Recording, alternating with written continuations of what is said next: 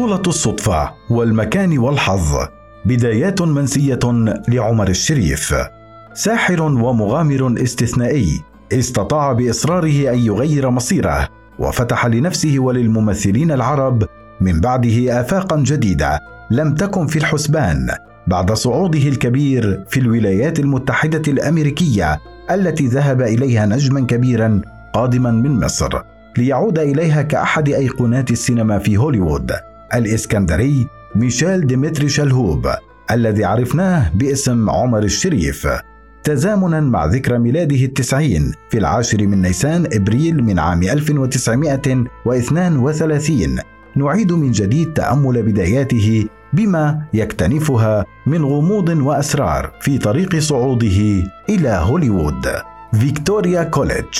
كانت لحظة انطلاقة عمر الشريف الفنية الأولى مسرح مدارس كلية فيكتوريا في الإسكندرية المكان الذي قدم إلهامه الأول للورانس العرب لاقتحام المجال الفني حيث قدم هناك على خشبتها أول مسرحية من إنتاجه بعنوان الدوق الخفي والتي ظل مختبئا طوال عرضها بداخل صندوق. بداية مسرح فيكتوريا كوليدج كانت عام 1902 مع تأسس المدرسة بقرار من الحاكم البريطاني لمصر إفلين بارنج ولكن انضمام عمر الشريف إلى المدرسة جاء بعد ذلك بما يقارب أربعة عقود في العام 1940 كما تحدد ملفات كلية فيكتوريا. ويكشف كتاب كلية فيكتوريا صناعة الملوك والأمراء والمشاهير للكاتبة الصحفية داليا عاصم. أن عمر الشريف استمر في المدرسة الشهيرة لمدة تسعة سنوات حتى عام 1949 وتزامل فيها مع يوسف شاهين وأحمد رمزي والشيخ كمال أدهم وإلي زمار. ويقول سمير فهمي العليلي زميل مقعد الدراسة لعمر الشريف في حديثه للباحثة داليا عاصم في الكتاب المذكور إن نجم السينما المصري كان قمة في الأدب والأخلاق ورياضيا ماهرا ولأنه كان طالبا في القسم الداخلي بالمدرسة فقد تم نقله مع بقية الطلاب إلى القاهرة أثناء الحرب العالمية الثانية وفي العاصمة تزامل مع إدوارد سعيد. وتذكر دونجوان تأثيرات فيكتوريا كوليدج في رحلة صعوده خلال حديثه التلفزيوني ببرنامج الجذور الذي استعرض فيه سيرة حياته طوال ثلاثين حلقة وقال إنه كان سمينا عندما كان في العاشرة من عمره ولذلك أدخلته أمه تلك المدرسة الإنجليزية التي تقدم طعاما بشعا من وجهة نظرها وهو ما سيساهم في إنقاص وزنه. والنتيجة بحسب حديث الشريف تحسنت صحته النفسية والبدنية مع انضمامه للمدرسة كما أتقن اللغة الإنجليزية. يقول الشريف نصا لولا تلك التطورات لما سنحت لي الفرصة المشاركة في فيلم لورانس العرب ولما عرفت العالمية.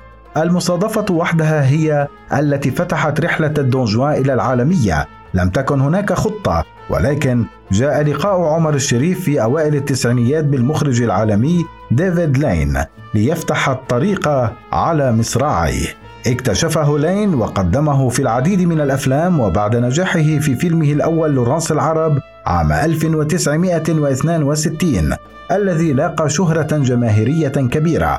استمر عمر مع المخرج ذاته وقدم العديد من الأدوار في مجموعة أفلام لاقت نجاحا جماهيريا ونقديا وأبرزها دكتور زيفاجو. وفي السبعينيات شارك في فيلم الوادي الأخير عام 1971 وفيلم بذور التمر الهندي عام 1974 لعب القمار. مفتاح السحر في شخصية عمر الشريف أن ظاهرها مثل باطنها. هذا الرجل لم يكن يخجل من شيء. اتهمه الكثيرون بنسيان مصر بسبب أضواء النجاح في هوليوود. بعد أن بقي في أمريكا طويلا ولم يكن أحد يعرف أن السبب يعود للعبة القمار التي اعتاد عليها. وفي لحظة ما قام بالتوقيع على عقد احتكار مع إحدى الشركات ما تسبب في ابتعاده عن مصر لفترة طويلة. لم يستطع أن يعود فيها ليقدم أفلاما سينمائية جديدة في مصر إلا في فترة الثمانينيات. الشاعر المصري من أصول لبنانية جورج درغام أمين عام المركز الماروني اللبناني للثقافة بالقاهرة أشار في حديثه لنا إلى معلومة شائعة وخاطئة عن مسيرة عمر الشريف تتعلق بديانته. يشاع عنه في مصر أنه كان يهوديا قبل أن يشهر إسلامه والواقع بحسب درغام أنه ولد في عائلة مسيحية تنتمي لطائفة الروم الكاثوليك وهي طائفة مسيحية مشرقية تعود جذورها إلى الشام. وقد اشتهر من أبنائها العديد من أعلام الثقافة والفن في مصر. منهم آل تقلة مؤسسو جريدة الأهرام خليل مطران يوسف شاهين هانري بركات فتوح نشاطي شارة وكيم نجيب متري الشاعر عادل الغضبان وغيرهم. التكوين وصل عمر الشريف طوال مسيرته الحافله لمكانة لم يستطع أي ممثل عربي أن يحققها ونال بعيدا عن نجاحاته الجماهيرية الكبيرة عشرات التكريمات والجوائز من أبرزها التتويج بجائزة الجولدن جلوب لأفضل ممثل في فيلم دراما عام 1966 عن دوره في فيلم دكتور زيفاجو كما توج بجائزة الجولدن جلوب عن فئة أفضل ممثل مساعد في دوره في لورانس العرب وحصل على جائزة جولدن جلوب للنجم الصاعد بالمشاركة مع تيرنس ستامب وكير دوليا وبيتر أوتول. كما ترشح لجائزة الأوسكار لأفضل ممثل مساعد عام 1962 عن دوره في لورانس العرب بالإضافة لتتويجه بجائزة الأسد الذهبي من مهرجان فينيسيا السينمائي عن مجمل أعماله. الناقد السينمائي المصري أمجد جمال.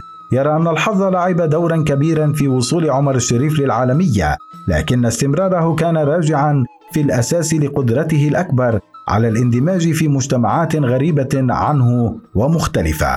ليس فقط في هوليوود ولكن في فرنسا وبريطانيا وإيطاليا كذلك فقد كان ممثلا دوليا عابرا للبلدان بمعنى الكلمة. ساعده تعليمه الجيد وطلاقته في لغتين ونشأته في بيئة دينية متسامحة فيها تقبل للاختلاف وتشبعه بالثقافة الكوزموبوليتانية التي تزامنت مع نشأته خاصة أن أسرته نفسها كان لها أصول غير مصرية. ويتفق الناقد السينمائي خالد عبد العزيز مع أمجد جمال إذ يقول أعتقد أن التكوين هو كلمة السر في نجومية عمر الشريف ليس بتكوينه الجسماني أو الشكلي فحسب من حيث تشبه ملامح وجهه إلى الشرقية والغربية في نفس الوقت فكأنه يحوي العالم في صفحة وجهه. كما أن تكوينه المعرفي والتعليمي على مر سنواته ساهم في تشكيل هذه النجومية النشأة والبيئة وإتقان اللغات الأجنبية والكوزموبوليتانية الأسرة. كل ذلك جعله طيعا في يد صناع السينما الأجانب سواء في هوليوود أو في أوروبا. وأرجعت ناهد صلاح في حديث لنا عن عملها في كتاب عمر الشريف بطل أيامنا الحلوة أن تميزه الأسطوري يعود إلى المكان أو المدن المتعددة الثقافات التي تربى فيها وتردد عليها تقول التقيت بعمر الشريف ثلاث مرات لقاء كان في القاهرة ولقاءان في الإسكندرية.